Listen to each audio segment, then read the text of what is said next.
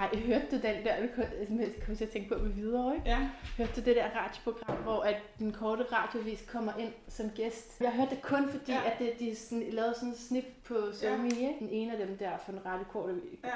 korte radiovis har så købt hus her. I Hvidovre, Ja, ja og det er, man, men det er man nødt til, fordi at, og så er det sådan en bebrejdelse af de der gamle, Ja. som for det første har faste jobs Nå, ja, forever, ja, også selvom ja. de er gået på pension, ja. ikke? Ja, ja. og kunne købe tingene til meget, meget billigere. Ja. Jeg synes bare, det var så fedt, for det der er ikke Ja. nogen, der sådan har sagt, jeg har ikke hørt Nej. så meget om det, men det er jo faktisk Men det er jo realiteten. totalt, øh, totalt det. Og vi havde, vi jo, altså min kæreste har også en teenage søn, Ja, så vi havde ligesom rimelig mange børn, ikke? jo da. Så vi, og der er en ret stor kælder nedenunder, hvor de sådan kunne have deres eget område. og sådan noget. Altså det er det med at få det stort nok. Så velkommen til Lyden af et bedre liv, Sara Bovin. Tak. Og tak fordi jeg må besøge dig her i Hvidovre. Tak fordi du vil komme herud. Ja, ej, men det, altså, og, og i øvrigt, Ja. så det, jeg skal jo lige præsentere dig, du er journalist og psykoterapeut, ikke? Jo. Og i telefonen får jeg vild, eller jeg får vild på vej ud og ringede til dig. Ja.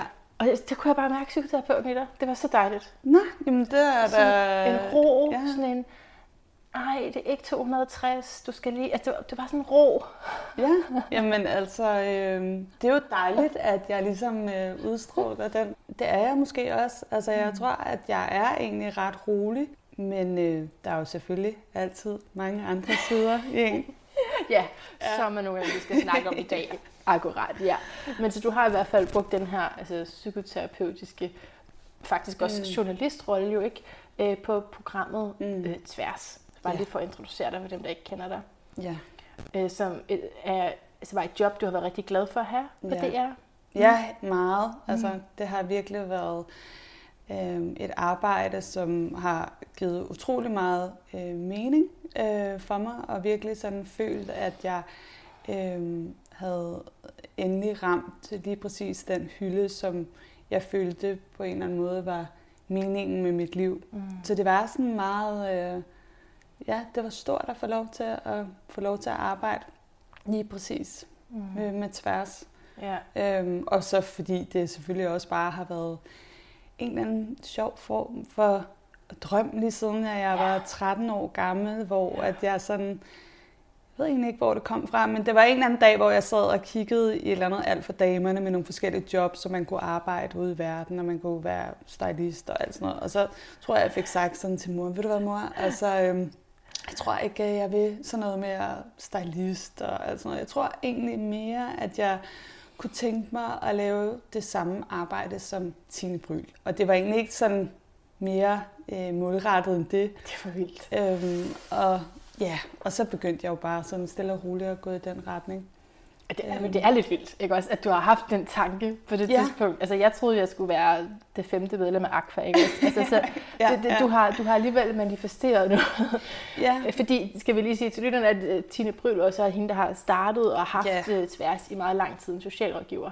det er jo hende, som mange forbinder med programmet ja. Tværs. Ikke? Det er jo Ja. hele hendes ånd og hendes virke og alt det, hun har skabt, som jo Mm. har betydet rigtig meget for øh, tidligere generationer, kan man sige. Øh, og dengang Ja. var der heller ikke så meget andet, man kunne lytte til, så det var ligesom der, man kunne få indsigt i at være et ungt menneske. Ja, og når man havde det svært, Ja. ja. så kunne man lytte, Ja. ja. eller endda også ringe ind. Jo. ja lige præcis. Ja. Så det var det, du, du var i og har været rigtig glad for. Men altså, så, øh, jamen, så, skulle du, så skulle du på barsel, og Ja. der er en sådan naturlig ting, der sker. Men også bare i løbet af den tid, du er der, og egentlig er glad for selve arbejdet, mm. så oplever du, at der er en bestemt form for kultur på DR. Ja, altså, jeg har lavet tværs siden 2017. Mm. Og selve alt arbejdet omkring at tale med de unge og Mm. skabe et øh, fællesskab på Facebook. Og, altså sådan, alt det arbejde, det har været helt fantastisk. Ja. Øhm, men bag kulissen, med alle de her mennesker, der har skulle være inde over tværs, det Mm. har været enormt hårdt. Mm. Øhm, og man kan sige, det er ikke nogen sådan stor overraskelse for mig, fordi jeg har været i mediebranchen i mange år, øh, og også været i DR faktisk, siden Ja. jeg var 21 år. Siden du var gammel. 21, Ja. ja. der startede du som praktikant, eller hvad? Nej, der kom jeg ind på noget, der hed Talentværkstedet. Yes. Ja, øh, og, og fik lov til at få en smag for, hvordan det var at arbejde med både med radio og tv. og kom så siden ind på Danmarks Medie- og Journalisthøjskole på den øh, medietilrettelæggerlinje, der ligger der. Mm. Øhm, så jeg har jo været i huset øh, frem og tilbage, siden jeg var 21 år gammel. Mm. Så på den måde, så kan man sige, at så har jeg jo en lang erfaring med mig. Øhm, men øhm, jeg er stødt på nogle problematikker, øh, sådan, som er blevet meget tydelige for mig, og som jeg øh, i den grad har følt, at jeg blev nødt til at handle på undervejs. Øhm, og det har, det har virkelig været øh, en hård rejse, synes jeg. Som så har eskaleret under din funktion der, som Ja. på tværs. Ja, som både handler om at øh, stå op for, når man er vidne til øh, en ja, sexistisk Mm. chef, Mm. øh, hvor at jeg oplevede, at øh, en af de, øh, der arbejdede for mig, ligesom var udsat for de her ting, øh, og hvor at det ødelagde vores arbejdsrum. Mm. Øhm, og sådan set også øh, endte ud i, at, øh, ja, at jeg blev nødt til at, at klage over ham, og det gjorde jeg tilbage i 2017. Ja, så der var du en af dem, som øh, var med i den ligesom første bølge af MeToo til at stå op og sige, Ja, der sker noget her, som vi bare ignorerer og Ja. lader ske for øjnene af os. Men ja, så, så du var en af de første øh, stemmer til at sige noget i den der MeToo. altså jeg kan huske, at da det ligesom blev den her bølge, og man skulle skrive MeToo på Facebook, det Ja. gjorde jeg sådan set, både fordi jeg selv har været udsat som kvinde for tidligt i mit liv øh, et seksuelt overgreb, da jeg var 13 år gammel, og Ja. bare generelt har haft mange grænseoverskridende oplevelser. Og der kan man sige, at dengang, der var det nok mere over i voldtægt, Ja. seksuelle overgreb, Ja, de her ting. og det var jo så også noget, man kan sige, der kvalificerede dig til at være vært på tværs, som, hvor du skulle rumme alle mulige andre menneskers altså, tilsvarende eller lignende oplevelser. Ja, jeg tror i hvert fald, at jeg altid i mit arbejde, og sådan den jeg er, altid egentlig har været øh, villig til at bruge mine egne oplevelser. At man laver et rum, hvor man både deler og tager. Ja, det tror jeg egentlig sådan både som sådan, ja, journalist og sådan noget, det, det er en måde, jeg ligesom altid har arbejdet på. Og derfor faldt tværs mig også enormt naturligt, Mm. mm. at, øh, at det både var, hvor jeg selv kunne fortælle om, enten har jeg jo øh, været ude og fortælle om det her med at have en opvækst med en far, som drikker, og Mm. mm. som jeg sådan set også endte ud i et opgør med her tilbage i 17-18 også, Mm. mm. øh, hvor at det endte med, at vi blev nødt til at bryde kontakten helt, og jeg har sådan set ikke set min far siden, og det brugte jeg Wow. også i tværs, og det blev til sådan en helt bevægelse, der hed Kærlighedsherren, right. øhm, som handler om det her med de her brudte forældrerelationer. Ja, okay. det her. Ja. Øhm, men for at vende tilbage til hele Ja. det der MeToo noget, der var det Ja. bare, at der, der skrev jeg det på Facebook, og så blev jeg kontaktet af Dagens på DR2, ja. øhm, som spurgte, om jeg havde lyst til at komme ind og fortælle. Øh, Men skrev du så kun om dine tidligere erfaringer der? Ja, jeg tror, jeg skrev sådan noget MeToo, Ja. øh, og så tror jeg, jeg øh, fortalte om den oplevelse, jeg havde haft, da jeg var 13 år, Ja. og var udsat for et seksuelt overgreb i en kiosk på Mm. Østerbro. Men du Øhm. nævnte ikke noget om din arbejdsplads. Nej, men det gjorde jeg så mm. meget, meget kort, og hvis man går ind, man kan faktisk finde det der klip på, på YouTube, hvor at ja. jeg siger det her. Men, øh, og der, der, der ved jeg jo, fordi der står jeg lige midt i at have klaget over denne her chef, Ja. og det har været en, en voldsom oplevelse i virkeligheden Ja. at gøre det. Jo. Øhm, men jeg blev nødt til det, fordi at øh, de ting, der foregik foran mig, dem kunne jeg ikke bare vende kinden til. Så du har klaget til en leder, Ja, ja. og, men, men ikke gået offentligt på det her tidspunkt? Nej, det gjorde jeg ikke. Mm. Nej, jeg gik ikke mm-hmm. offentligt med det dengang. Yes. Yes. Øh, selvom jeg sad inde i dagens, og i virkeligheden i den grad var vidne til sexisme Ja. i DR. Og der var jeg jo enormt bange for at, jamen for det første heller ikke havde lyst til at udstille nogen, udskamme nogen. Mm. Øh, øh, jeg var selvfølgelig også bange for, for min egen position og alt det, jeg havde fået opbygget nu med tværs på det her tidspunkt. Men jeg får sagt helt i afslutningen af de der minutter, hvor jeg sidder derinde, der siger jeg, og det sker jo også på arbejdspladser. Mm, Det var, sådan, okay. det, var sådan Yes. det vildeste, jeg kunne sige Okay, på det tidspunkt. okay, ja. ja. Så du ved selv, hvad der lå i det, Men man Ja. skal lige øh, have lidt kontekstfornemmelse, hvis man hørte det Ja, ja. som noget, der kunne handle om dig også. Ja, ja og, og der kan man sige, at øh, helt tilbage, da jeg selv er praktikant mm. øh, i Danmarks Radio, der oplever jeg selv at have en chef, som i den grad kørte mig rundt i managen, Mm. og som jeg havde som mentor, og som jeg i virkeligheden så utrolig meget op til, og som lige pludselig til en sommerfest begynder at ville ligesom kysse med mig. Ja. Øhm, og der bliver jeg bare sådan enormt forskrækket over det og afviser det. Og så sker der faktisk bare det, at det accelererer, og han bliver ved og ved og ved. Og det ender ud i, at jeg til sidst på et eller andet tidspunkt giver efter, og er faktisk sammen med ham. ja.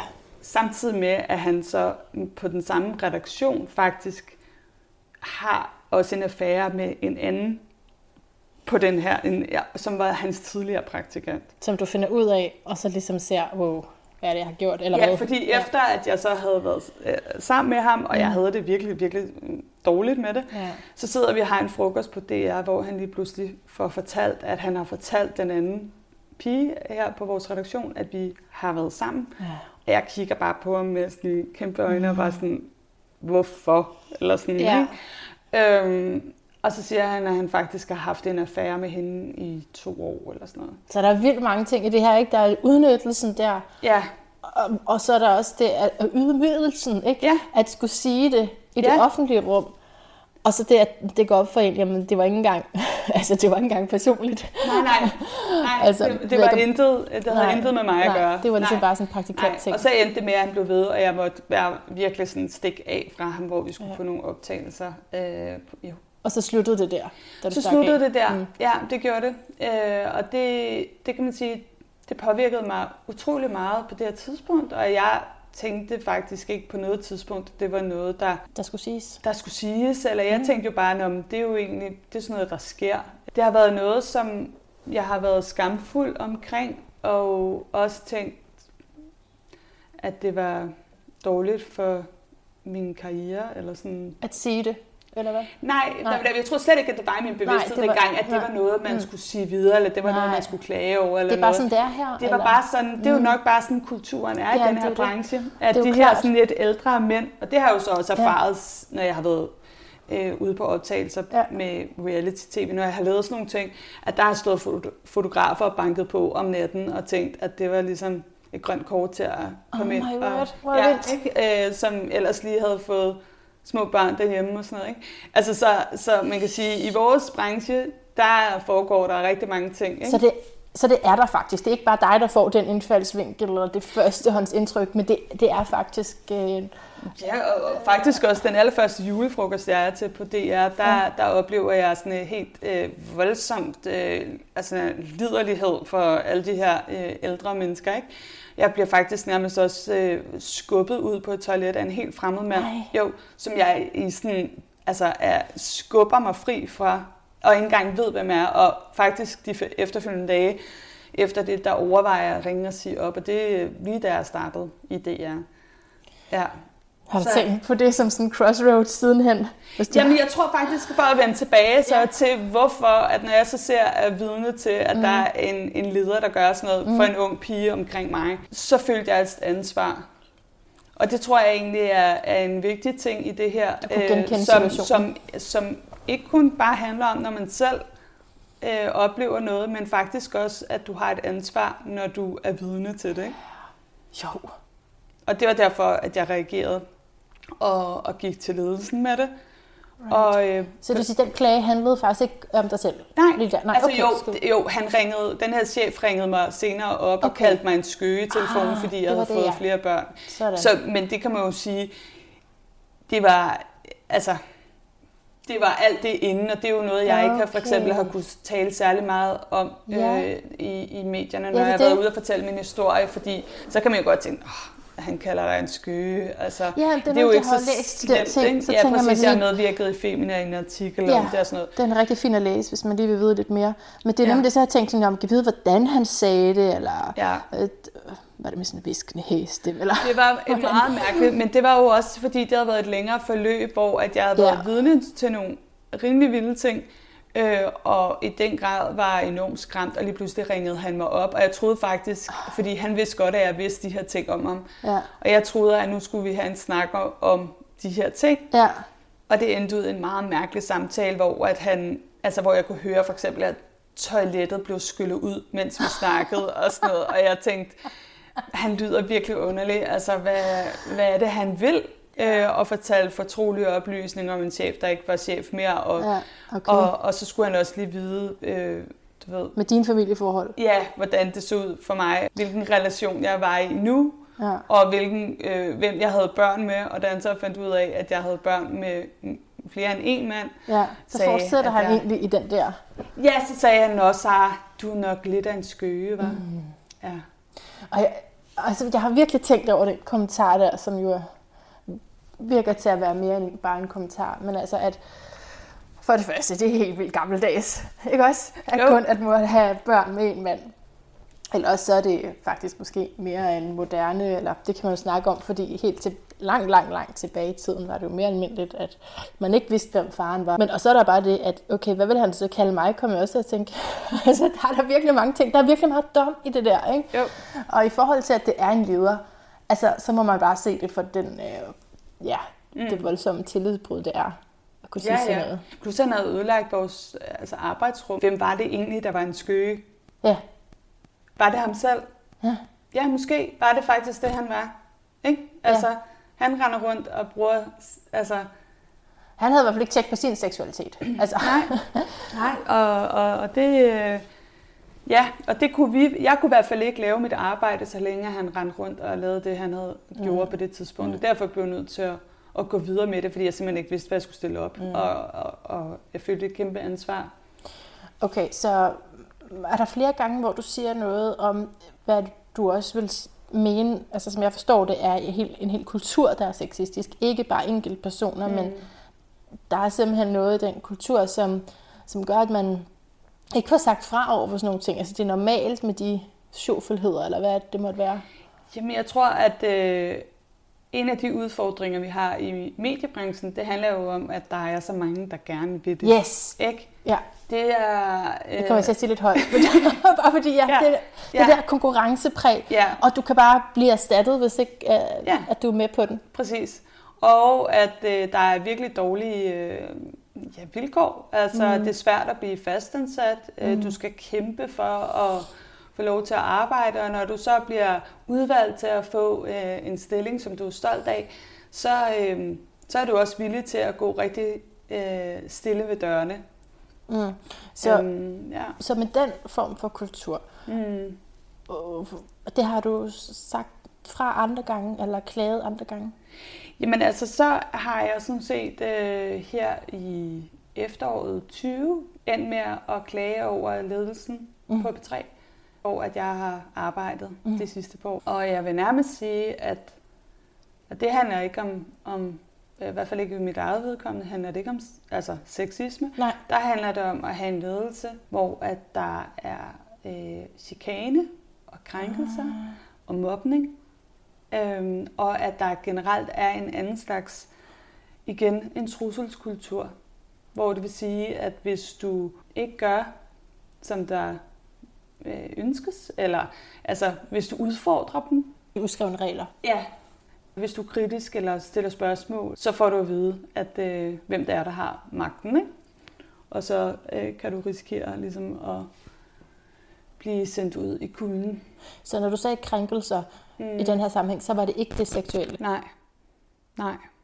Og jeg vil faktisk sige, at jeg synes, at det har været værre, øh, det jeg har været igennem omkring øh, at være en del af en arbejdsplads, hvor at der er sådan en dårlig øh, kultur. Øh, det synes jeg nærmest har været langt mere skadeligt end øh, de seksuelle krænkelser, jeg også har, har oplevet.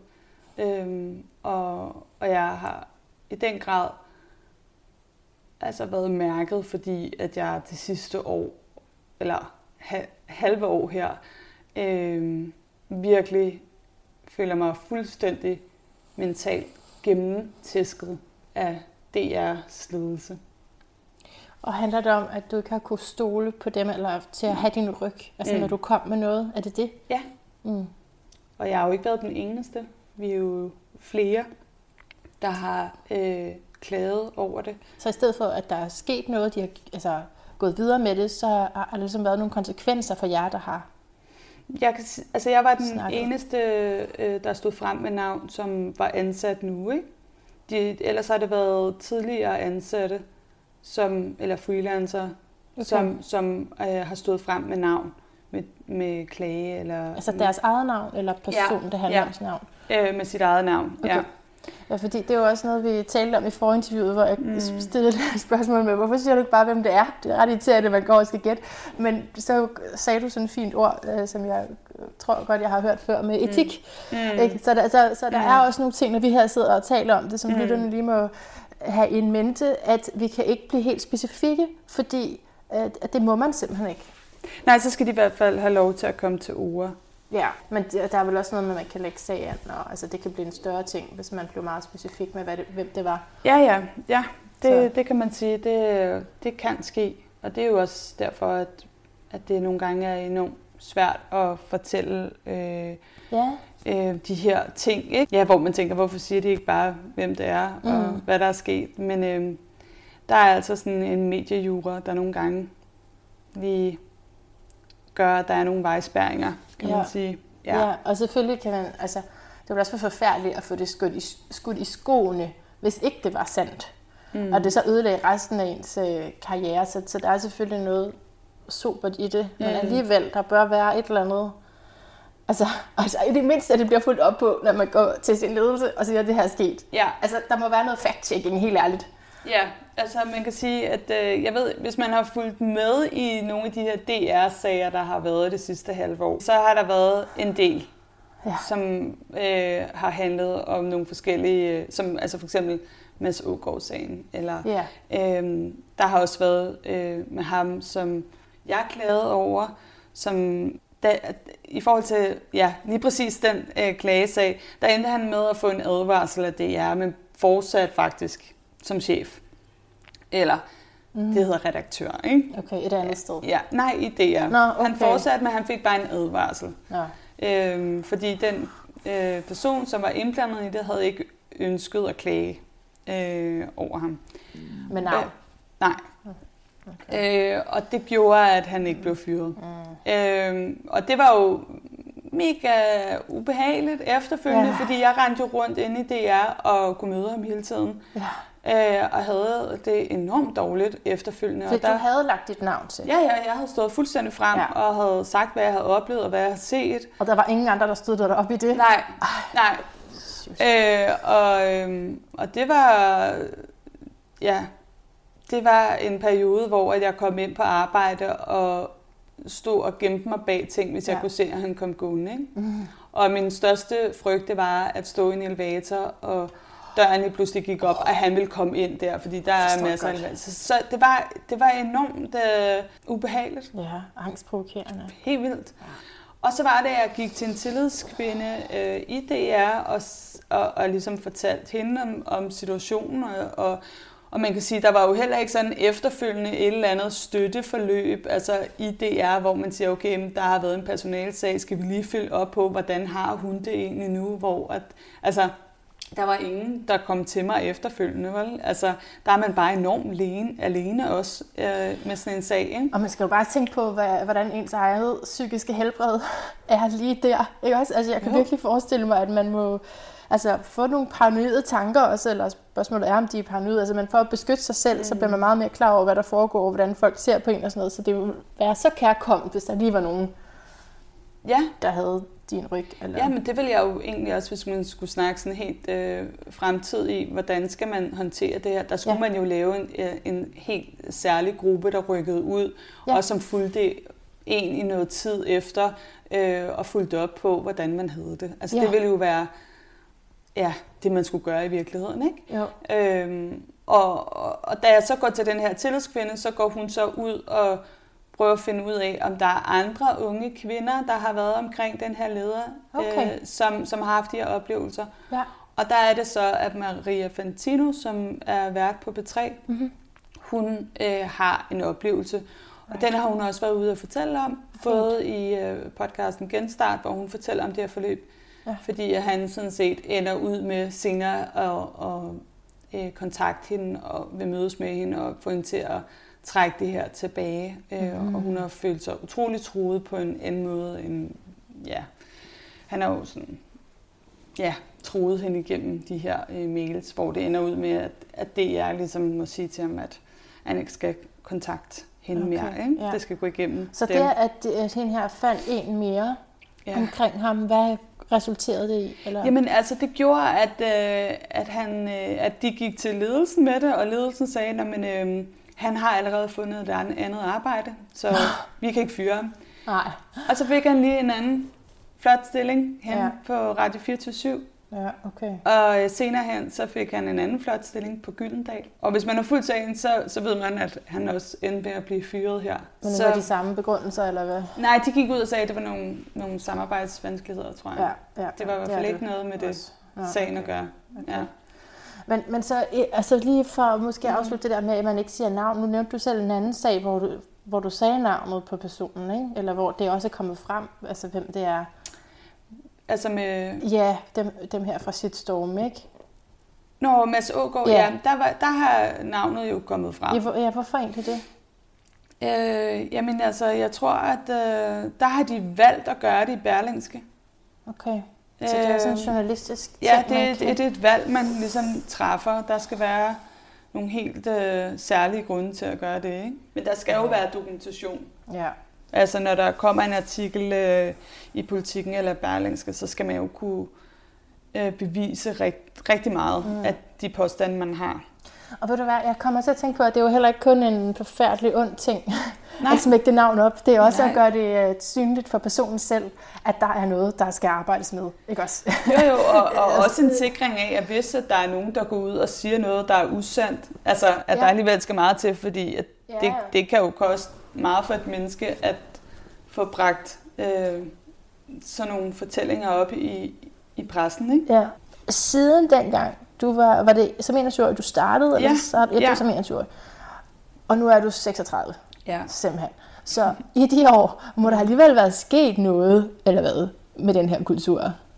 Altså jeg tror helt sikkert, at, at julefrokosten dengang jeg første gang oplevede det, var rimelig vanvittigt. Og jeg var måske også, altså du ved, man, man tænker jo meget over, hvad, hvad, hvad det var, der skete dengang, ikke? Men mm. altså jeg tror bare, at der var bare ligesom en tradition for, at de der julefrokoster, de gik amok. Jeg ved ikke, om det stadigvæk er sådan, men lige siden den julefrokost dengang, virkelig haft det sådan, at jeg ikke havde lyst til at drikke mig fuld. Ja, og altså, miste kontrol. Ja, altså jeg har faktisk mange gange tænkt sådan, jeg, jeg drikker mig ikke beruset her. Mm. Jeg går tidligt hjem, netop for at undgå at havne i nogle af de der situationer, hvor man ikke rigtig kan passe på sig selv. Ikke? Så det er stadigvæk i stor stil sådan med de fester? Ja. At det ja, ja, ja. faktisk er... Ja, ja, det er jo altid sådan, at der er nogle unge mennesker, der kommer ind. Der er jo rigtig mange unge mennesker ja. i mediebranchen. Ja. Og det er jo måske også derfor, at det bliver ekstra sårbart. Ikke? Og det er jo der, hvor at man virkelig skal passe på, fordi at mange, øh, der enten sidder og har magtpositioner eller status, øh, de skal virkelig forvandle deres øh, ansvar over for, for de her unge, der kommer ind. Ikke? Man må ikke udnytte andres afhængighed af en. Ikke? Nej, selvfølgelig. Altså, og det, det, det er meget det, som der... Øh... Jeg er afhængig af for det første min løn, sådan helt basis, ja. men samtidig jeg har også på en eller anden måde kæmpet mig op til at være, hvor jeg er nu. Ja. Og det her, det ry og hele det, jeg har... Ja, mit karriere og CV vil ja. jeg ikke risikere. Mm-hmm. Og, og så det, at du kan lære mig som mentor, ja. Min store drøm om at være herinde for mediebranchen. Der er mm. rigtig meget afhængighed ja. af, øh, hvem der måtte være ens nærmeste Ja, det er præcis, og hvad for et netværk man får ja. skabt, og, øh, og det skal man jo også være, være bevidst omkring, når man bliver øh, enten får en rolle som vært, eller redaktør, eller noget andet, at øh, lige pludselig så, så skifter ens, hvad skal man sige, magtposition sig jo i forhold til unge praktikanter eller ja. talenter eller andre, der kommer ind. Ikke? den her stilling, og så er der så nogen, der skal lære dig. Ja, ja, og det er jo ikke noget, man sådan, det er jo også en erfaring, man skal have øh, med sig, hvordan, hvordan er man så ja, det er i den jo relation. sådan en kulturel ting, ikke? Fordi hvordan var det, da jeg... Men så Ja. ja. tager man vel også sådan, okay, jeg vil heller ikke, at det skal være lige så hårdt, som da jeg var. Altså på den Nej. måde udvikler en kultur så vel organisk. Ja. Og så er det jo også alt efter, hvilken afdeling du er i DR, for DR er jo også sammensat af mange forskellige ja. afdelinger. Ja. Øhm, der er TV-avisen, der er dem, der laver dokumentarer til Ja. DR1 og DR2 og DR3, og så er der dem, der laver radio, P1, og så er der P3, og det er jo, det er jo med P2? generelt... De har da ikke nogen problemer på P2, tror du? Nå, men der har jo lige været hele den her med hele det her øh, symfoniorkester-skandale. Nå, ikke? for ja. pokker, det har jeg ikke hørt om. Ej, okay. Øh, kæmpe MeToo-sag Nå, også op at vende. Så altså, Nå, ja, det er ikke desværre er det nok mange steder. Øh, både øh, i DR og udenfor. Og var du ved at sige noget om P3, som jeg Ja, afbrød men der dig vil jeg jo sige, der er det jo meget unge, der kommer ind, Ja. ikke? Og det er jo måske det næste skridt for gymnasiet, de kommer ind, og Ja. så er de måske ja, enten gået på journalisterskolen eller universitetet, og så får de Ja. en praktikplads. Og jeg har jo ikke været på P3 før, men har været det siden 2017, Ja. 18 stykker, ikke? Øhm, Ja, det er jo det, som, hvor tværs, det er sådan et program, hvor man netop passer på unge, eller servicerer unge. mm. Men når kulturen på selve arbejdspladsen, hvorfra tværs bliver udsendt, ikke passer på unge, så, hænger det ikke sammen. Nej, altså jeg vil i hvert fald sige, at øh, en del af den klage, som der har landet på skrivebordet øh, i DR's ledelse her tilbage i oktober måned, det handlede jo netop om praktikanter, der havde været på B3, og som efter et forløb der er gået derfra med angst, depression, selvmordstanker. Og det synes jeg jo er ret alvorligt for et sted, der både øh, formidler øh, indhold til unge, men også det sted, hvor rigtig mange unge drømmer om at komme ind og Ja. få en plads. Ja, så hvem er det, du siger, der er gået med de psykiske udfordringer efterfølgende? Det er, øh, det er praktikanter. Så- Praktikanter, de, som er kommet enten fra journalisterskolen eller... og de bliver ikke genansat, så er det. De bliver ikke ansat. Nej. Så laver de, bruger de deres liv på noget andet. Øh, ja, ja. Mm. I de eksempler, jeg kender Mm. til, der er sikkert også mange andre, som jeg ikke øh, For kender jeg kunne til. forestille mig, at man også, altså hvis, selv hvis det skulle gå ind meget nedtryk, hvis det stadigvæk er det, man rigtig gerne vil, Mm. så kan det også være, at man så det som altså, sådan en udfordring, et bjerg at bestige. Eller, altså det, Jamen 100 procent, jeg tror, at der er mange, der går derind og er meget øh, ambitiøse og dygtige. Ja. Og, ja. øh, det er jo også, P3 er jo også et sted, hvor at der er ligesom øh, værterne med status. Der er en chance for, at du kan blive til noget, mm. og du kan blive en kendt vært, og, og du kommer til at være tæt på mange kendte mennesker, og Ja. ja. det kan give dig en, en status, som Ja. ja. man gerne vil have. Ja, ja, Øh, ja, og, ja. og det vil folk gøre rigtig meget for. Og det skaber en helt speciel kultur Ja. at være øh, en del af en arbejdsplads, hvor at, øh, der er den mulighed. Ikke? For så når du taler sådan der, ikke, så tænker jeg, lad et helt tænkt eksempel, som overhovedet ikke har noget med du og jeg at gøre, vel? Men altså, lad os forestille os, der var en ung, som... Og det, og det behøver ikke at være så ung. Altså, vi kan også være 25, vi kan somme mm. Mm. også være 30. Og så, men på baggrund af en barndom, hvor øh, man ikke helt fik, eller den her person fik ikke helt den opmærksomhed og forståelse, måske også kærlighed, men i hvert fald oplevelsen af kærlighed derhjemme. Mm. Ikke?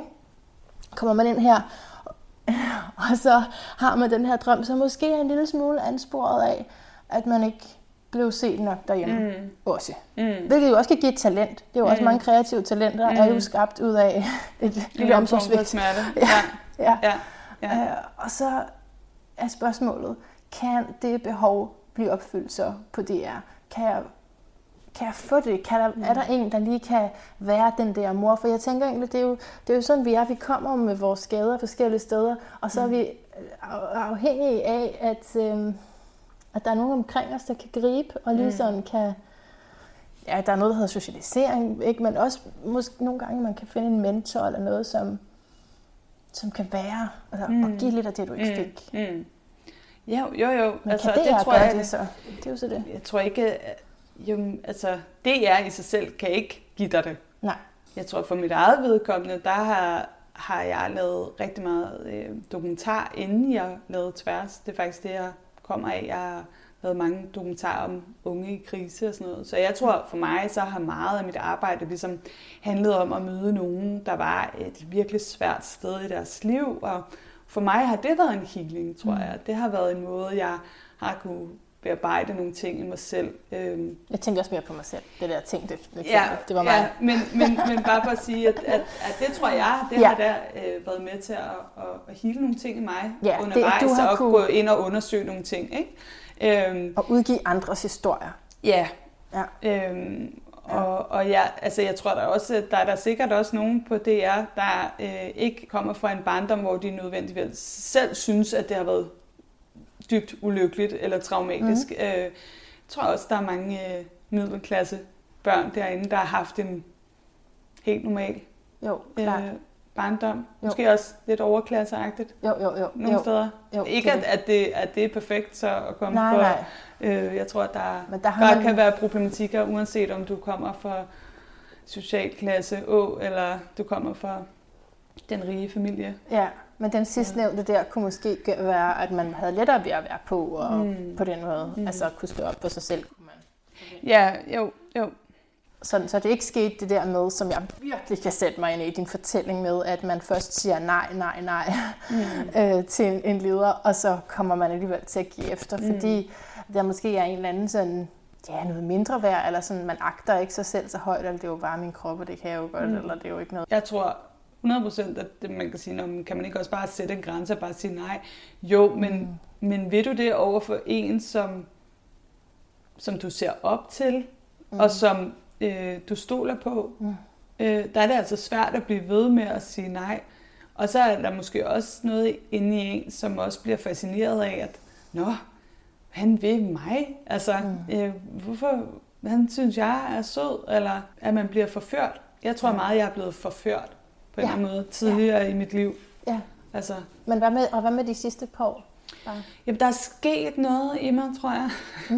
Jeg er jo også blevet lidt ældre, kan man sige. Ikke? Øhm, men øh, hjælper de sidste det. otte år har jeg selv levet i et forhold, hvor at jeg i den grad øh, virkelig har været forelsket og ja. øh, var tiltrukket af ham, og alt var der ligesom. Ja. Jeg følte det ikke bare, at jeg var blevet valgt og var gået med noget, Nej. øh, som jeg måske har følt tidligere. Ja. Altså hvis folk virkelig ville have mig, Mm. så var det nok også fordi, at, at det var rigtigt. Ja, så det har gjort noget. Det er, at du har fået nogle mere stabile forhold, og så at du er blevet ældre Ja, jeg tror, moden. jeg, jeg, der er noget, der er landet i mig. At mine grænser er blevet mere tydelige nu. Ja, og det er det, der har gør, at du har kunne Ja, der har været en, en forvandling i mig, kan man Mm. godt sige. Altså s- faktisk siden jeg fik jobbet som vært på tværs. Mm. Og det har måske været ekstra tydeligt faktisk i mit arbejdsliv, hvor at jeg virkelig øh, har trådt foden, altså øh, taget foden i, i gulvet og sagt, Ja. ja. de her ting, det, det vil jeg faktisk ikke finde mig i mere. Nej. Og det har jeg også gjort nu, og hvor det ikke har for mit eget vedkommende handlet om sexisme. Det ved jeg, det har der været en af de andre fortællinger, Mm. øhm, som har klædet, som er en fyr, som har oplevet at sidde til et møde, hvor han har været mobbet og Nå.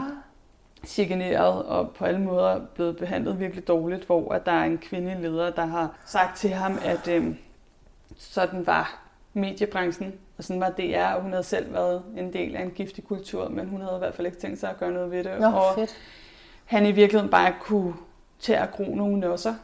Men det var faktisk lidt det, jeg var inde på før der med, hvordan Mm. det bør udvikle sig organisk, men samtidig, hvis man så har en bitterhed over, hvordan det var for mig. Altså Mm. det var faktisk det, jeg selv oplevede i øh, sådan socialrådgiverpraktik, da jeg tog den uddannelse. Ikke? At de der, dem, som skulle lære mig noget, de havde sådan en bitterhed over, hvor hårdt det havde været for dem. Så Jo. nu skulle jeg hjemme væk også have Ja. den. Og det er lidt ærgerligt, at den står i vejen for at skabe det miljø, du gerne vil. Altså Ja. at være en del af den forandring, som Lige du selv præcis. gerne vil.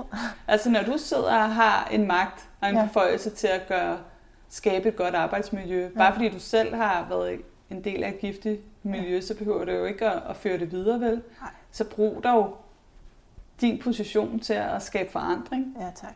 og skabe en bedre verden. Ja. Altså, øh, og det er jo det, der er, den store forskel, synes jeg.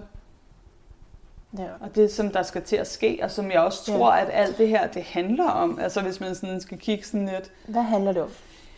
Jamen altså, øhm, Jeg tror, at alle de her gamle strukturer, og det er, er enormt tusse gammelt mm. i sin måde øh, at øh, lede på. Ikke? Mm. Der er et hav af mellemledere, og der er ligesom sådan nærmest en militærisk rangorden for, hvordan at du kan gå igennem kommandocentralen. Ikke? Mm-hmm. Øhm, og det er forældet. Ja. Super forældet, og jeg tror, at det er jo det, vi ser mange steder, at de her strukturer, de vil, de vil komme til at kollapse nu. Yes. Ja. Du er en lille smule skabsastrolog også, ikke også? Oh, ja. Så. ja, ja, ja, jeg er overhovedet ikke... Øh, altså, Nej, men, men lige øh, præcis. Det er jo det, ikke? Det er jo mm. det der skift, vi ser, og inden for alle mulige ting... Øh, om det så er et bestemt øh, yogaform eller whatever, så mm. hvis der har været en råden underliggende struktur, som så typisk ses altså i ledelsen, ja. så falder den nu. Ja. Øh, og det er derfor, at, at det er også får sin tur. Og du så du ved jo, at jeg også har lavet nogle afsnit om det her med at gå ud af en sekt eller ja. en religion, og, og nogle steder kan de jo endda blive fornærmet over, at jeg overhovedet har kalder det en religion, fordi mm. altså, men, men jeg går så vidt til at sige, at det er sekteriske øh, ting, det som ja, jeg har lavet afsnit om før. Ja. Jamen, og det var jo det, der var så interessant, ikke? fordi at, øh, jeg har jo fulgt dig, men så var jeg også lige inden du kom, så skulle jeg lige ind og, og se lidt, hvad ja. det de sidste par afsnit har handlet om og sådan noget. Og der kunne jeg bare se det der med, at du havde lavet noget omkring øh, sekt. Ja. Øhm, og det er bare interessant, fordi at, øh, ja, jeg jo lige nu står i sådan et ret stort vendepunkt i mit liv, ja, føler jeg. Ja, øhm, ja. Jeg har, efter at jeg har klædet, øh, blevet kastet ud af bagporten, skulle jeg til at sige. Ikke? Øh, jeg er blevet nærmest blevet bortvist øh, for at gøre opmærksom på øh, de her problematikker. Øh, og det har været enormt voldsomt øh, at opleve. Og derfor så har jeg også, når jeg har talt med min familie om det, så har jeg sagt, at jeg har det fandme næsten som om, at jeg er på vej ud af en sekt. Ja. At øh, efter jeg har øh, råbt højt i medierne om, om de her ting, øh, der er der bare blevet ja, lukket en stor port. Netop fordi, at jeg har været i DR så mange år i mit liv, så føles det jo enormt nyt at stå her og, ja. og ikke skulle være en del af den institution længere. Ja, ja. Fordi at jeg umiddelbart øh, bliver straffet nu, ikke? For ja. øh, at påpege, at der er en giftig ledelse oh, i det her. Der er så mange ting i det der. Ja, fordi der er også den identitet, eller det er så den, man repræsenterer, men øh, mm. fra det der med at komme fra en sex, er det en stor del af din identitet at have den her øh, tro og have det her tilhørsforhold. Ikke? Mm som så lige pludselig ikke er der. Og for dig så er det jo så, man kan jo blive altså opsagt, ikke også? Jo, jo. Så det, det er jo så en administrativ del af det. Jo. Og det, altså du tog barsel, og du har regnet med at skulle tilbage. Ja, altså jeg øh, blev gravid. Ja, måtte jo desværre øh, ligesom gå på barsel, ikke? Altså jeg, jeg havde, øh, jeg kunne godt mærke, at jeg var ikke tryg ved at forlade tværs. Okay. Øhm, og det var også bygget meget op omkring øh, den jeg er. Yeah. Det er jo klart, yes. det er et personligt program. Yeah. Og jeg havde fået skabt den her Facebook-gruppe yeah. med en masse øh, mennesker i den og sådan noget. Yeah. Øhm, og har lagt virkelig mange kræfter i at få skabt øh, det her fællesskab. Og lige pludselig skulle jeg give det videre i nogle nye hænder. Og bare til en vanvittig mus-samtale, inden øh, jeg skulle på barsel, hvor at der... Øh, i den grad blev kørt på mig. Og hvordan det? Man kan sige, at jeg faktisk igennem lang tid har oplevet en, nogle ledere øh, på P3, ligesom prøver at køre mig træt, altså omstrukturere mit program, fjerne øh, professionelle, dygtige kompetencer til, at jeg lige pludselig skulle have praktikanter, ikke fordi der er noget i vejen med praktikanter, Nej. men bare sådan hele tiden lidt sabotere, at jeg kunne øh, lave noget godt indhold. Ikke?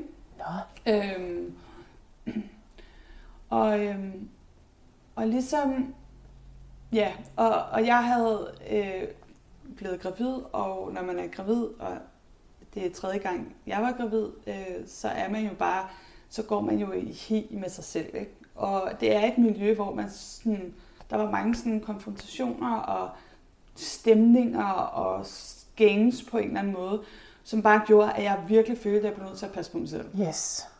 Og, og det var usundt for mig at være i det, så jeg trak mig meget. Og så kom jeg ind til den her mus-samtale med to er min leder, og normalt til en mus-samtale, så er det én leder, okay. og det handler om din udvikling. Ikke? Ja. Øhm, og der, øh, der sidder den her ene redaktør, min Ja. redaktør, Ja. og siger til mig, at øh, personen var virkelig glad for at finde ud af, at det var fordi, jeg havde været gravid. Fordi at jeg havde jo virkelig siddet øhm, bag min computerskærm og set sådan helt alene og sådan ensom ud. Og, og jeg har virkelig lignet en, der ikke gad at være der. Det var alligevel noget tid, og denne her øh, redaktør var heller ikke kommet til mig Nej. og havde spurgt, Sara, er der noget galt? Ja. Eller, altså, du ved, så det var ligesom om, at jeg sådan skulle straffes, øh, og hvor jeg var sådan, ja, jeg har jo været gravid, og øh, har lidt af jernmangel, så jeg har også været utrolig ekstra træt. Ikke Ja. bare no, no, normalt gravid træt, men altså endnu mere træt, end man bør være. Ja. Jeg kommer til at tænke på, sådan, hvordan skal man se ud bag en skærm? Hvis, hvordan ligner det, at man gerne vil være der? At man er sådan helt oppe på duberne, eller hvad? Det, der er Ja. også, ja, det jo også Ja, og så havde det også før det været sådan noget med, at hun, ja undskyld, nu siger jeg hun, men det var min redaktør, øh, og sådan noget med noget form for social kontrol omkring, hvor jeg var henne på DR, fordi at jeg ikke havde det særlig godt i det her åbne kontorlandskab, Ja. øh, og heller ikke havde det særlig godt øh, der i det rum, og med de her, altså Nej. den stemning, der var. Nej. Øh, så jeg havde sådan noget med, at jeg søgte tit op på biblioteket og var Ja, deroppe det vil jeg og også gøre. Ja, Det. Øhm, og det var sådan noget med, at der, der blev der tekstet rundt, og er, hvor er du henne, og hvorfor sidder du ikke? Og det var ikke kun, altså det handlede ikke om, at de ville kontrollere, om jeg arbejdede. Det var Nej, et nej. andet andet. Mm. Og så der havde bare været så mange mærkelige ting, og jeg så bare mennesker omkring mig blive mobbet og chikaneret og straffet. Mm. Øhm, så det var ikke trygt og sikkert at gå på arbejde. Og heller ikke at tage på barsel. Og heller ikke at tage på barsel. Nej. Øh, og jeg blev lovet, at de ville passe på min baby tværs. Ja. Øh, og Facebook-gruppen og alt Okay. det her, mens jeg var væk. Ja. Og øhm, ja, Og det blev der jo ikke rigtig Okay. øh, gjort noget ved, i hvert fald med den Facebook-gruppe der. Nej, okay. Og tværtimod så udnyttede de i virkeligheden bare mit barsel til at køre tværs i en helt anden retning. Nå. Øh, hvilket man egentlig godt kan forstå, når der kommer en anden vært på, så er det jo Ja, ja. selvfølgelig den person. Men alligevel, så blev det bare brugt til ligesom at Der er forskel på, om det er nyt job, altså et job til en ny person, Ja. eller om det er en kortere periode, hvor en ny Mm. person vil karriere ja, for en, der kommer tilbage. Ja, og, øh, og så var det også noget med undervejs i min barsel, at jeg fik sådan nogle, øh, ja, sådan nogle mails omkring, at øh, nu sad de og overvejede, om tværs måske skulle i en helt anden retning, om jeg lige ville skrive et par ord, om vi skulle til at give slip på Tine Bryls øh, socialrådgiver Arven, og du ved, noget, der er enormt stressende, når du sidder med en lille Ja, baby, og lige pludselig kan mærke, at nu begynder de at lave Ja. ja. øh, ting og sager, mens man er væk. Ikke? Jo.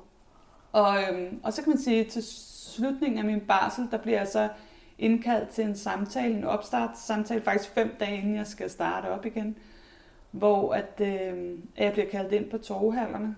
Øh, og der står øh, P3-chefen med et stort sådan, smil, og ej, og du har ikke din baby med, og ej, jeg havde håbet at kunne se ham, og ja, du ved, skal jeg ikke lige give en smoothie, og, øh, og fortalte om en anden en, de lige havde kommet af med, og, Nå. øh, og, og sætter sig ned og får også lige slynget ud, at, at P3-chefen havde jo også været på barsel, da jo personen fik det her job som chef for P3 og sådan noget, ikke? Og hvor godt det var gået. Ikke? Øhm, og så fik jeg ellers bare beskeden om, at de ikke havde tænkt sig at forlænge mig, og at de ville... Okay, så alt den der venlighed og imødekommenhed, ja. altså bare... Det var bare bang, du ved, ikke? Så sidder man der på torvhallerne øh, fem dage inden du skal starte op, ikke? Øh, og får Nej. en ret alvorlig besked. Øh, og, øh, og siger så sådan noget, og jeg spørger, hvem har taget den her beslutning? Ja, Altså, ja, ja, ja. Og, og der sidder personen også og får sagt nogle navne, som slet ikke har været med til at træffe den beslutning, finder jeg ud Nå. af senere hen. Nå, Og jeg spørger, hvad jeg, altså, ja, men de, de, de, ville, de vidste engang, om det skulle hedde Tværsmær, og der skulle være en ny vært på, og, øhm, og, og de skulle ud af hele Team Brylon nu. se, det er jo det, der er lidt ærgerligt. Vi taler om nogle gamle forældede strukturer, taler vi om, Ja, som er nødt til at falde. Og der ligger jo i det, når så er det blevet for gammelt, ikke? Men der er jo også en gammel visdom præcis. og en ånd, man gerne vil føre med ind videre, ikke? Jo. Og så var det så, at øh, der blev sagt, at nu skulle det ikke længere være DR's opgave at hjælpe de få unge med ondt i livet. Ja. Ja, og, øh, og det gør jo ondt, fordi jeg har et kæmpe public service hjerte. Mm. Så øhm, det var en kniv lige ind i alt det, og de skulle slet ikke bruge tid på Facebook-gruppen, som jeg har brugt rigtig meget øh, tid på at bygge op. Ja. Mm. Og så kan man sige, men de ville gerne have, at jeg skulle komme tilbage og lave tværs øh, de her sidste måneder, indtil at min kontrakt udløber. Øh, jeg tror faktisk, det er i dag, at min kontrakt Fantastisk. udløber. Tillykke. Tak. Ja. øhm, og, øh, og der prøver jeg så at vende tilbage til tværs og laver mit første program med en helt ny praktikant og nogle helt nye folk. Og vi får også aftalt, at jeg skal ligesom øh, sige i det første program, at jeg nu ikke længere skal være vært Okay. i det nye år. Okay. Øhm, og jeg spørger også ind til, kan vi prøve at finde noget, jeg siger sammen, sådan så at vi ligesom kan lave en forventningsafstemning, så jeg ikke kommer til at sige noget forkert. Ja. Øh, og det vigtigste er bare, at jeg ikke skal sige, at tværs lukker ned alligevel i 2020. Okay. Og så øh, har vi brugt en uge på det program, klippet det færdigt. Ja. Alle er glade, redaktøren er glade, Ja. øh, dem, der har været med i programmet er glade. Og så får jeg sådan en besked om, at, øh, ja, at jeg skulle altså lige ringe, altså hun ville ringe til mig, den her chef, og Ja. at øh, der var nogle ting omkring det her program. Og der bliver jeg bare jordet i bund. Nej. Øh, og får at vide, at jeg er, der jeg er gravølstemning, at jeg sender lytteren ud i mismod, at jeg er jeg skal, det er synd for de nye mennesker, der skal lave tværs efter mig, at tværs er på låntid, og jeg skal til at tage mig sammen nu, og jeg er enormt uprofessionel, og at jeg, altså, Ej, det lyder som et program, jeg virkelig gerne vil høre. Ja, og i den grad bare for en forvejen sårbar situation. Jeg kommer Ja. ja. tilbage fra barsel, der er ingen af dem, jeg arbejder sammen med. Den Nej. første, da jeg møder ind kl. 9 om morgenen, den første dag Ja. efter, eller da jeg skal tilbage fra barsel, der bliver der sendt besked ud til alle om, at jeg stopper med at lave tværs. Mm-hmm. Øhm, der er ingen af dem, jeg har arbejdet sammen med, øh, som kommer over og siger, hvad, hvad sker der så? Eller, Nej. ej, du ved, skal vi lige tage en kaffe, eller Ja. brug for et eller andet? De ignorerer mig bare, ikke? Så jeg kommer bare tilbage, og i den grad at føler mig totalt uønsket. Øh, der er også en redaktør, der får sagt, at de slet ikke havde troet, at jeg ville komme tilbage igen. Det var helt afsindigt, og det ender med, at, øh, at jeg går grædende fra arbejde. Ikke? Men altså har leveret det der Ja, ja, og stykke arbejde, ikke- som du ja, skulle. de vil ikke sende det. Det er altså helt, øh, ja. Ja. Fordi du spurgte jo også, var der noget, vi skulle lige forvente sig det var der noget, jeg det, ikke som, sige? og det var jo der, hvor jeg blev rasende også, ikke? fordi jeg bare var sådan, Ja. ja. jeg har spurgt jer Ja. ja. om jeres hjælp til at Ja. lave det her, og det Ja. har I ikke ville, Nej. og nu skal dog du og skælder mig ud Ja. ja. efterfølgende for Ja. noget, jeg har spurgt om hjælp til. Ja. Det er ikke okay. Nej. Øhm, og fik også sagt, jamen så må I jo komme med at skrive, altså skrive, hvad jeg så skal sige. Ja, det er det. Ej, men det var mig, der fik penge til at lave et manus, så det var i hvert fald ikke noget, de skulle. Ikke? Nej, men så kan man jo heller ikke have så mange holdninger til det. Nej, præcis. Øh, plus, Ja. ja. Så man kan sige, at, øh, og det er jo nok lidt svært også for lytterne at forstå, det er jo alt muligt sådan noget Nej, arbejds... det, det tror jeg øh, ud med. Jeg, skal, men jeg har altså, adskillige situationer, jeg kan sætte, identificere mig med det der Ja. faktisk. altså, men også bare den der følelse af at være totalt uønsket, Ja. og at der bare er... Der, jeg har stadigvæk ikke fået en begrundelse for, hvorfor at jeg bliver smidt af, af tværs. Vel? Øhm, og så kan man sige en kombination med rigtig mange andre ting, som handler om netop øhm, at få en skriftlig opsigelse, at få Mm. en begrundelse for, hvorfor jeg lige pludselig hverken skal lave tværs, Mm. eller får noget andet arbejde. Mm. Øh, jeg har for to år siden vundet den, eller fået. Ja, du vandt Den- sådan en krykker. Ja, jeg fandt, ja, og jeg har den faktisk stående heroppe. Jeg har sådan overvejet, om jeg skulle tage ud og aflevere den tilbage. Øh, fordi at, øh, jeg må bare sige, at øh, ja, jeg har fundet ud af, at de der priser... Åh, det kan er den der. Ja, Du kan se den. Oh. den kan man faktisk ikke bruge til en skid. Ej, men det er da sådan et hedersbevis på, at du har lavet noget, der var sindssygt godt. Yeah. Men, Men det er jo så det. det føles enormt uh, tomt lige Ja, det forstår jeg godt. Øh, og jeg har vundet flere priser end Ja, ja, den på okay. mit arbejde med tværs. Og, Ja. ja. med, øh, ja.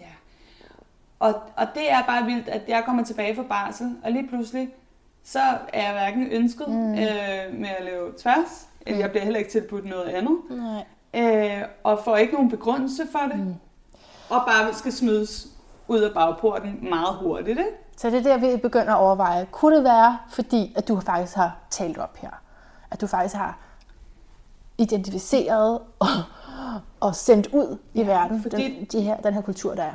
Ja, jeg ved ikke, altså det kan godt være, at der sidder en ledelse og, og, og er i virkeligheden enormt trætte af mig, og jeg er måske en, der siger tingene højt, og mm. I don't know, det kan også være, at der sidder nogle, øh, nogle, nogle P3 øh, folk, og i virkeligheden ikke har ønsket mig på kanalen, øh, og det er noget personligt. Det er skaber de her paranoia, ting. det der. Det er jo alt det, man sidder og tænker, Ja. hvad er årsagen, og jeg har Ja. stadigvæk ikke fået nogen begrundelse fået den. et halvt år efter. Nej. Og så kan man sige, i den samme, når man så ved, at der er mennesker, som er gået derfra med selvmordstanker, mm. alle, de her, alle de her eksempler, med, og, og der er sket mange andre ting, som jeg ikke fortæller lige nu, Ja. øh, men alt det til sammen har bare gjort, at det her, det var ikke okay. Og det blev så øh, en klagesag, der handlede også om alle de andre mennesker. Der var 12 anonyme øh, beretninger om den her ledelse og deres måde at lede på, som gjorde folk syge og ulykkelige. Ikke? Og at der er en, en måde, hvor at man mobber folk ud og saboterer dem over længere tid og mobber dem ud til sidst. Ikke? Og de 12 beretninger, siger du, de er ikke kommet til ord? Det ved jeg ikke, fordi de, de er anonyme, så dem Nå, kender den jeg måde. sådan set ikke indholdet af. Nej, okay. Men jeg kender øh, til de andre, som har stået frem med navn, Ja. og som også er Ja. dem, hvor man kan gå ind og læse. Der er øh, Ja. en artikel i Politiken, øh, Mm. og der er en artikel i Berlingske, Mm. øh, som handler om, om denne her øh, kultur på P3, Mm. og der, den sledelse. Ikke? Og noget, du også har kaldt øh, tvangspositivisme, lige for at få det ord på, fordi at øh, man simpelthen er nødt til at lade som om, man ikke ser det, der er. Ja, at det er en ting i DR, det er den der tvangspositivisme, som jeg mener øh, gennemsyrer alt. Vi skal lade som om, det går godt.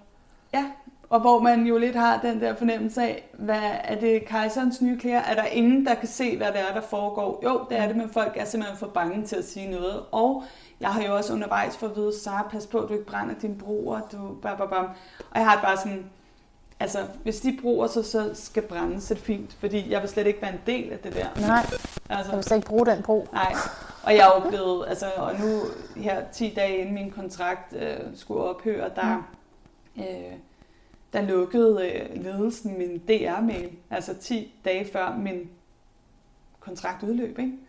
Fik jeg lige pludselig en besked efter, jeg havde været i politikken og nogle andre medier. Okay, lige efter der, ja. Ja, der fik jeg at vide, at nu måtte jeg ikke øh, længere øh, ja, bruge min mail, og nu var jeg sådan set ude af DR. Oh my god. Jamen altså, ja, det kunne virkelig være interessant at lave sådan en dybdegående undersøgelse af, hvor, altså, om der er sekteriske træk. Det lyder det jo meget på, som det er, men ligesom, hvor mange ligheder der er i forhold til en sekt. Mm. Øh, fordi noget, du, jeg har noteret, du sagde i forinterviewet, så er det her med, at man aldrig kan føle sig sikker. Øh, det var, jeg tror, det var i forbindelse med konkurrencekulturen. Ikke? Mm. Og der er, når du har en tro, og du... Ja, det er så måske faktisk mere indlejret i selve troen, men det breder sig selvfølgelig ud i, i den, den, det kirkefællesskab, du er i. Der er sådan, du, har du, altså tror du nok? Og selvfølgelig siger man, at du skal kun tro, altså jeg drager Mm. lige over i det her med at tro på Jesus, ikke også? Øh, Så selvfølgelig, du skal bare tro, og så er det nok, altså teoretisk set, men i praksis, så er der en hel masse ting, du er nødt til at gøre og bruge din tid på, for at, øh, for at kunne lande i det, at din tro er, fordi altså, hvis man ikke gør nogen gode gerninger, så er den der tro ligegyldig. Og det hele handler jo altså forhåbentlig om at komme i himlen. Mm. Øhm, så jeg ved godt, at Ja. jeg trækker dem over til noget helt andet. Nej, nej, Men det der med, at man kan føle sig sikker. Det er jo en indre tilstand, ikke også? Jo. Uanset om man tror på alle de der ydre, mm. men så, det er jo en indre tilstand, at jeg kan aldrig være helt sikker, så derfor er jeg nødt til at gøre. Mm. Øhm, og så vil jeg også lige nu det her med nepotisme. Mm. Jo, men det er også noget, der øh, er meget af i mediebranchen, ikke? At øh, selvfølgelig så kan man ikke undgå at skabe venskaber eller øh, møde kærligheden på sit arbejde, og det er sådan set, det har jeg heller ikke noget imod. Øh, men, men jeg vil sige, at det, det gør vores arbejde meget besværligt, når folk øh, arbejder sammen og bliver kærester. Og, altså, øh, I forhold til hvem, der nu skal have den næste stilling. Ja, og hvem, altså der, der, der bliver ligesom en forskelsbehandling og en Mm. ulighed øh, og en Ja. ubalance. Hvordan kan man føle sig sikker ved at blive gift? Ja, ja, præcis. Eller få, øh, blive, du ved, ja, komme tæt på magten, eller der, hvor Ja. der er status. Ikke? Ja. Og det er øh, noget, der sker øh, rigtig meget. Øh, ja. Ja, for så er man i det, og det er heller ikke, fordi jeg tænker, at det sådan er, nødvendigvis er intentionelt, men det er der, det går ind og bliver sådan en social ting. Fordi det er det her, jeg vil. Mm. Jeg gør så meget for at være sikker her, jamen så er det også lettere at få en partner inden for det her miljø. Snakker Præcis, og på P3, så bliver der jo også stået og sagt, jamen det her, det er P3-familien, ikke? Ja, og chefen præcis. skriver øh, P3-familien, ikke? Ja. Og det vil jo sige, når man bruger det ord Ja. om et arbejdsplads, Ja, og man ikke selv føler, at man er en del af en familie her. Mm. Så i hvert fald, hvis det er en familie, så, ja, præcis, så er det i hvert fald den mest dysfunktionelle familie, ja. jeg nogensinde har været med i. Ja. Og jeg har Ja. alligevel haft en opvækst, der var lidt besværlig nogle gange. Ikke? ja. Så, så jeg har følt mig øh, meget sådan, ja, Familie, ja, det er interessant, fordi den sidste kirke, jeg kom i, der var sloganet, velkommen hjem. Hvilket jo rammer så dybt ind i en sårbar Ja. følelsesmæssig tilstand. Ikke? jo, Uh, det var lige det, jeg længtes efter. ja. Men, men ord Præcis. skaber det der, ikke? og det kan Fortællingen være farligt. om, hvem Ja. vi er. Ja. Ja. Og hvad så? Så ryger du ud af familien. ja, hvad sker der så, Ikke? når du bliver opsagt på den Ja. måde der? Der er tidligere DR-ansatte, der har skrevet til mig, og andre, men der har været uhyggeligt stille. Og faktisk den sidste mail, jeg fik, det var fra underdirektøren, der øh, skrev ud til alle en julehilsen, hvor at han skrev, at øh, det, vi havde fortalt om i politikken, det var jo pivfalsk. Ja, fedt. mm. Og hvad er det for et signal, man sender til alle de unge, der måske render rundt og har det som os, eller som har haft lignende oplevelser? Mm. Det er, hvis du fortæller om nogle Yes. af de her ting, Yes. så bliver du gjort til en løgner, Ja. og du ryger på porten, Ja. og du kommer aldrig til at få dine ønsker opfyldt, eller få din drøm opfyldt her i DR, vel? Det er det. Og jeg håber virkelig, at man oversætter det her til sin egen arbejdsplads, fordi der var en arbejdsplads, jeg, det var så den, hvor jeg, jeg kun var på ganske kort. Øh, men jeg, hvor jeg kan genkende den der frygt for Mm. at blive fyret. Altså det er ligesom altså, at se døden i øjnene. Altså jeg kunne se det i øjnene på de Ja. andre medarbejdere, så fordi hvor store konsekvenser det vil have at blive, at blive opsagt. Så derfor Ja. så retter man lige ind og ja, Man skal ikke Og- gøre sig upopulær, vel? Nej, men, og det er derfor, jeg har tænkt lidt på at kalde det her afsnit for, øh, hvorfor er du på tværs? Fordi Yes. det er jo sådan, ja, det er sikkert så at være der, men lige pludselig så er det jo dig, der får stå for skud, og der ikke var nogen, der hjalp, ikke også? Jo. Og alle mulige andre grunde til, at man ikke øh, bare kan droppe det, eller Mm. ignorere det længere. Ja. Ja, fordi det der er jo virkelig også noget, jeg har tænkt nogle gange her undervejs. Altså, alle de kræfter, jeg har brugt, det, har brugt på det her, det har virkelig været, det har været et halvt år i helvede. Altså virkelig. Uh, det har virkelig Mens du haft haft store baby. konsekvenser. Ja, jeg har jo haft en lille dreng, ikke, Ja. som er et år gammel, så det sidste Mm. halve år har jeg har han oplevet, at, og mine andre børn og min familie Ja. har haft, øh, jeg har været utrolig øh, ked af det, Ja. og jeg har været utrolig vred. Mm. Øh, og så er min indre retfærdighedssans mm. virkelig kommet op, og jeg har haft ja. det sådan, fandme nej, nu vil jeg ikke bare øh, stå der og, og vende kinden til igen, eller øh, ikke at gøre opmærksom på, at, at det her det er en syg kultur, Præcis. Ja. og det er et, et sted, som skader mennesker. Så hvis man spørger, hvorfor laver du så meget spektakel ud af det, når nu andre øh, af de der kendte værter ikke siger noget? Mm. Hvorfor gør du så? Hvad, Mm. hvad er dit svar så til det? Jamen, jeg tror, at sådan har jeg altid været. Ja, Der er et eller andet inde i mig, der øh, altid øh, har kastet lys på det, der stod i skyggen. Mm. Og det tror jeg er et tema for mig. Mm. Øhm, og det, det er en ensom rejse nogle gange.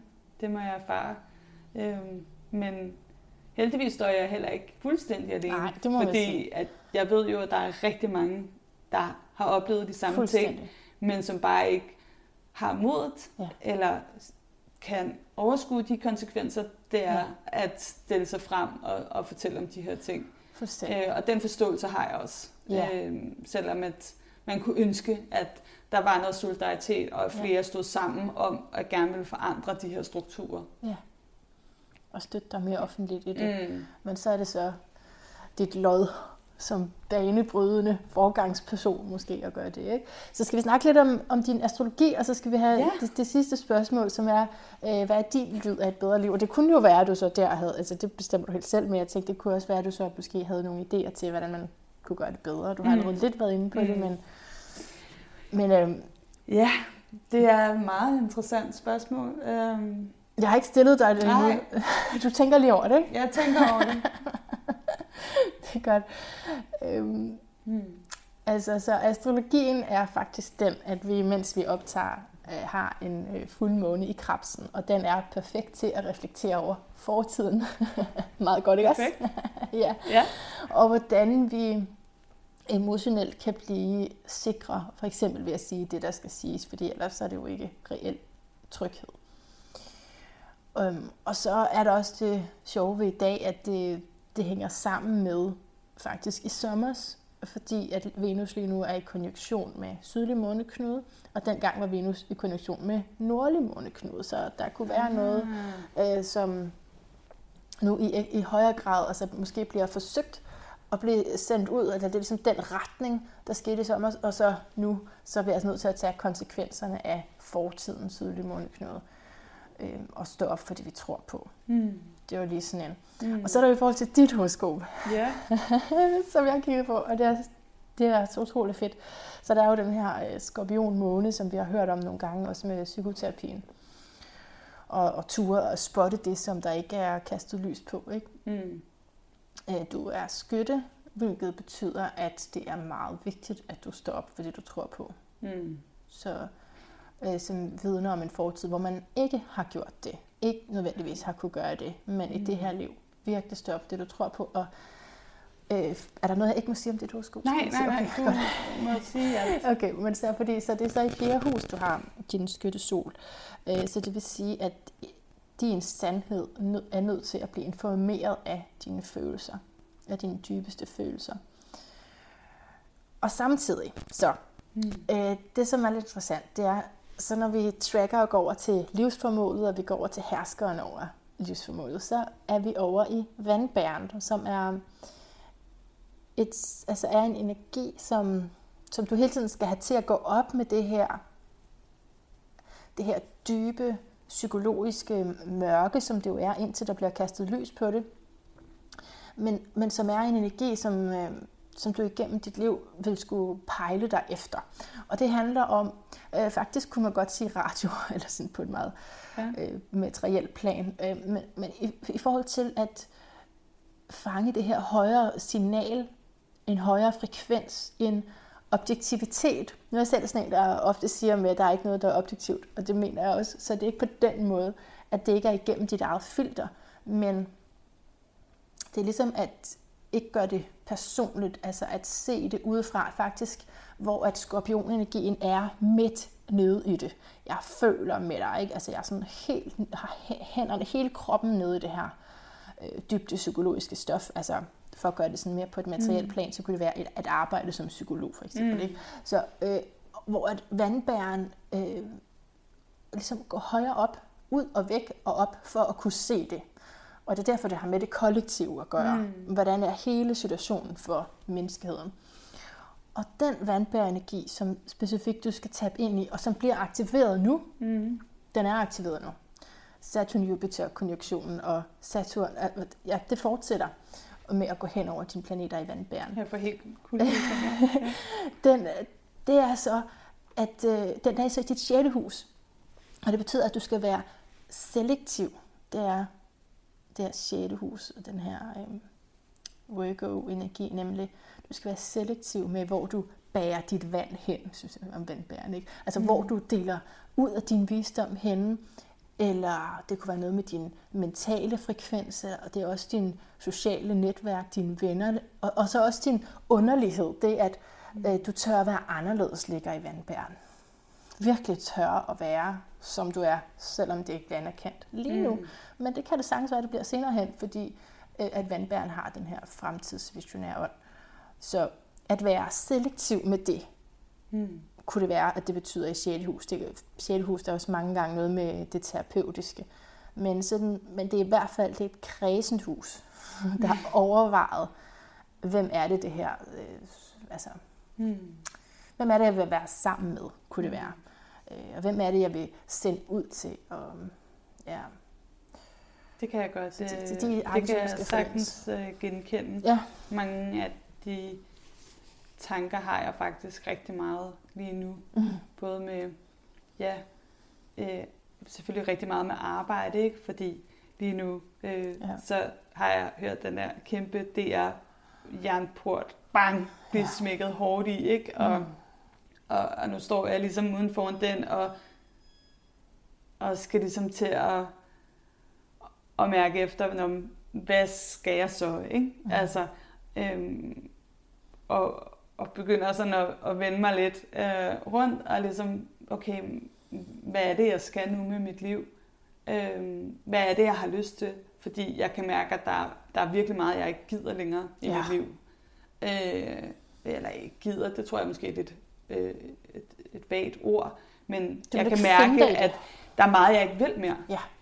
Øh, og, og jeg vil være et, et godt sted mm. i Mm. mit arbejdsliv. Jeg vil være et sted, hvor at, at man kan føle sig tryg øh, og sikker, og hvor at ens kreativitet kan få lov til at udfolde sig, uden at man skal deale med en masse andet magt, Magtforhold. øh, magtmisbrug ja. og Yes. alt muligt andet. Ja. Øh, ukompetente ledere, Ja. alt det her. Jeg vil ikke Mm. være i det mere. Mm. Og der ryger selvfølgelig også øh, nogle kollegaer og nogle Ja. venskaber i det, Ja. kan jeg mærke. Ikke? Øh, og, og også, hvor, hvor skal jeg være henne? Mm. Hvor, hvor kan sådan en som mig Mm. øh, få lov til at være? Øhm, Så det er jo endnu ubesvaret ja, det er det. spørgsmål. Det er ja. det. Øh, og det er det virkelig. Øhm, og det er selvfølgelig både virkelig skræmmende, Mm. øh, fordi jeg har også sådan en følelse af, at det er, selvom det ikke har været min familie, Mm. så er det 16 år af mit liv. Yes. Jeg flytter på en måde hjemmefra Ja. arbejdsmæssigt nu. Ja, det man Øh, sige. Ja. og det er jo altid skræmmende at stå der øh, og skal til at, at finde ud af, hvem jeg er øh, på en ny måde. Øhm, og også virkelig spændende. ja. Og specielt når Ja. vi går ind i en helt ny... Helt ny æra Ja, med mere fokus på den unikke underlighed, eller det at ture at ja, være sig selv, uafhængigt af gruppen. Altså, det vil jeg sige, jeg har store forventninger til, at øh, det skal nok lykkes. det var godt. Det skal nok lykkes. Ja, det er heldigt, ikke også? du har mit ord for det. Ja. Nej, du, kan også, du har din egen indre viden om det, det er helt sikkert. Det, jeg tror ikke, der er så mange, der er urolige for, at du nok skal finde din vej. Men jeg synes også bare, det er spændende med den her aktivitet i vandbærenergien, Ja, som, meget. som sagtens kunne handle om, eller formentlig handle om. Når du både har, du både har skytten og vandbæren, så er der, der er noget broadcasting-tema i hvert fald. Ja, Så det, ja men jeg, jeg, jeg tænker også, at jeg skal til at finde ud af øh, at lave mit eget på en eller anden måde. Ja. Øh, måske lidt ligesom dig. Må måske, Jeg kan ja, måske start blive inspireret karriere ligesom mig. Ja, af- det vil At jeg din anbefale. energi, den synes jeg er inspirerende. Det vil jeg ikke anbefale for nogen. Men øhm, du skal være velkommen. Så til sidst, hvad er din lyd af et bedre liv, Sara? Det skal være sjovt. Det skal være lejende. Det skal være der, hvor man kan være nysgerrig. Øh, hvor man får energi. Øh, får lyst til at skabe. Øh, hvor man ikke bliver suget øh, Mm. for al sin kraft og energi. Øh, og, og skal bruge øh, for meget krudt på, øh, på dårlig stemning. Mm. Eller øh, finde sig i uretfærdigheder. Øhm, og for mig så handler det om at, at skabe en bedre verden, og det lyder måske sådan meget sådan klichéfuldt, Nej, men det øhm, lyder vandbæragtigt. Det er så rigtigt. ja, Det er totalt vandbær. Godt, kør videre. så det er det. Er det. Jeg, vil, jeg, vil, jeg vil simpelthen sige, at øh, lyden af et bedre liv for mig, mm. det må være, at vi skaber en bedre verden for ja, den næste generation, der skal til at, at vokse op her på den her planet. Fantastisk smukt. Ja, jeg ved allerede, hvad jeg vil sige. Jeg har altid sådan et lille spørgsmål til sidst. Jeg siger, jeg gentænker alt måske, så jeg har allerede, nu ved jeg, hvad jeg skal. det kan jeg jo godt glæde mig til. Ja. Spændende. Tusind tak. Jamen, det var Sara så let. Bovin Jeg siger det her. selv tak for alle spørgsmålene. Det er jo kun med til at bevidstgøre min fremtid endnu mere. Så ja. tak. Af hjertet tak, fordi du har lyttet med til den her vigtige samtale, må jeg virkelig understrege, at jeg synes, det er. Jeg vil også lige fortælle dig, at det er, at den blev optaget før, at hele Jesdorf-sagen kom frem. Det kunne altså også være meget interessant lige at øh, tage den dimension med ind, men, men ja, det blev optaget lige før det. Så vi må bare konstatere, at det stadigvæk er et betændt emne, altså arbejdskultur og sexisme på arbejdspladsen, hvordan man håndterer det, og hvordan også synes jeg, det tror jeg ikke, vi rigtig kommer ind på her, men jeg kunne hurtigt gå ud af nogle tangenter med, hvordan vi overhovedet er sammen, og hvilke sjofle vildigheder man skal finde sig i. Så for mig at se, er der rigtig meget at tale om i den her. Hvis du lyttede til den, hvor vi talte om, ja, den jeg talte med mysticisme og alkemi i, i toeren der, øh, der, altså, der var det også sådan, jeg har Ja, der er selvfølgelig noget med, at vi skal hvile i os selv, men jeg personligt har også brug for at sige højt, der er også noget, vi skal rydde op i. Altså, der er simpelthen noget seksuelt, som er foregået, øh, som ikke har været i orden, og som har skubbet til nogle grænser, og kvinder, som efter måske en længerevarende relation, først der indser, hvor meget på kompromis de gik. Altså, der er så meget i det her, og og det er jo ikke, nu taler jeg jo i flere retninger, det ved jeg godt, det er ikke for at tage fokus væk på det, vi lige har talt om, men bare for at sige, at hvis du har nogle bud på, hvem jeg skulle interviewe, og som altså, der findes en e-mail på, og som altså lige også vil have mig til at kigge på deres horoskop. Der er jo et par kriterier trods alt, så må du meget gerne foreslå dem til mig, for jeg synes, det er, det er på ingen måde et udtømt emne, det her. Og i forhold til Sarah Bovin og hendes sag, så er der også et sådan andet emne i det, nemlig hvor meget ejer man sit arbejde. Fordi når det hele af det, man er ansat til, er bygget op omkring ens person, så er det ret svært ikke også så tage det personligt. Og jeg tror sådan set, det er det, der er intentionen, fordi så giver du nok også mere sådan arbejdsmæssigt. Ikke?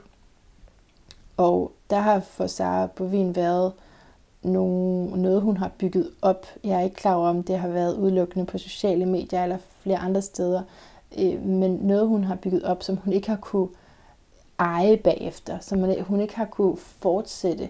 Og det er jo fair nok ved, at man siger, at så ansætter vi en anden, der videregiver det, og, altså overgiver det her til, og, men det har der så bare ikke været.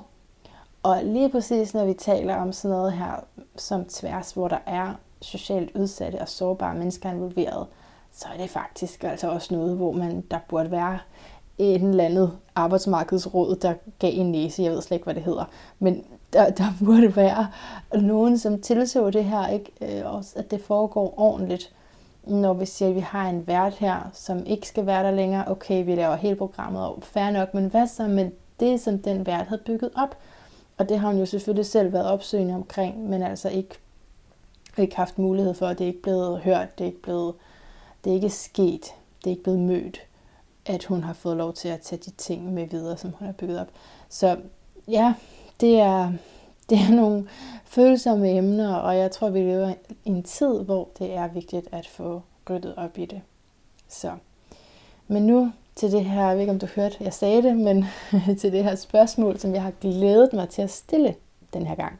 Indtil vi høres ved igen. Gentænk alt.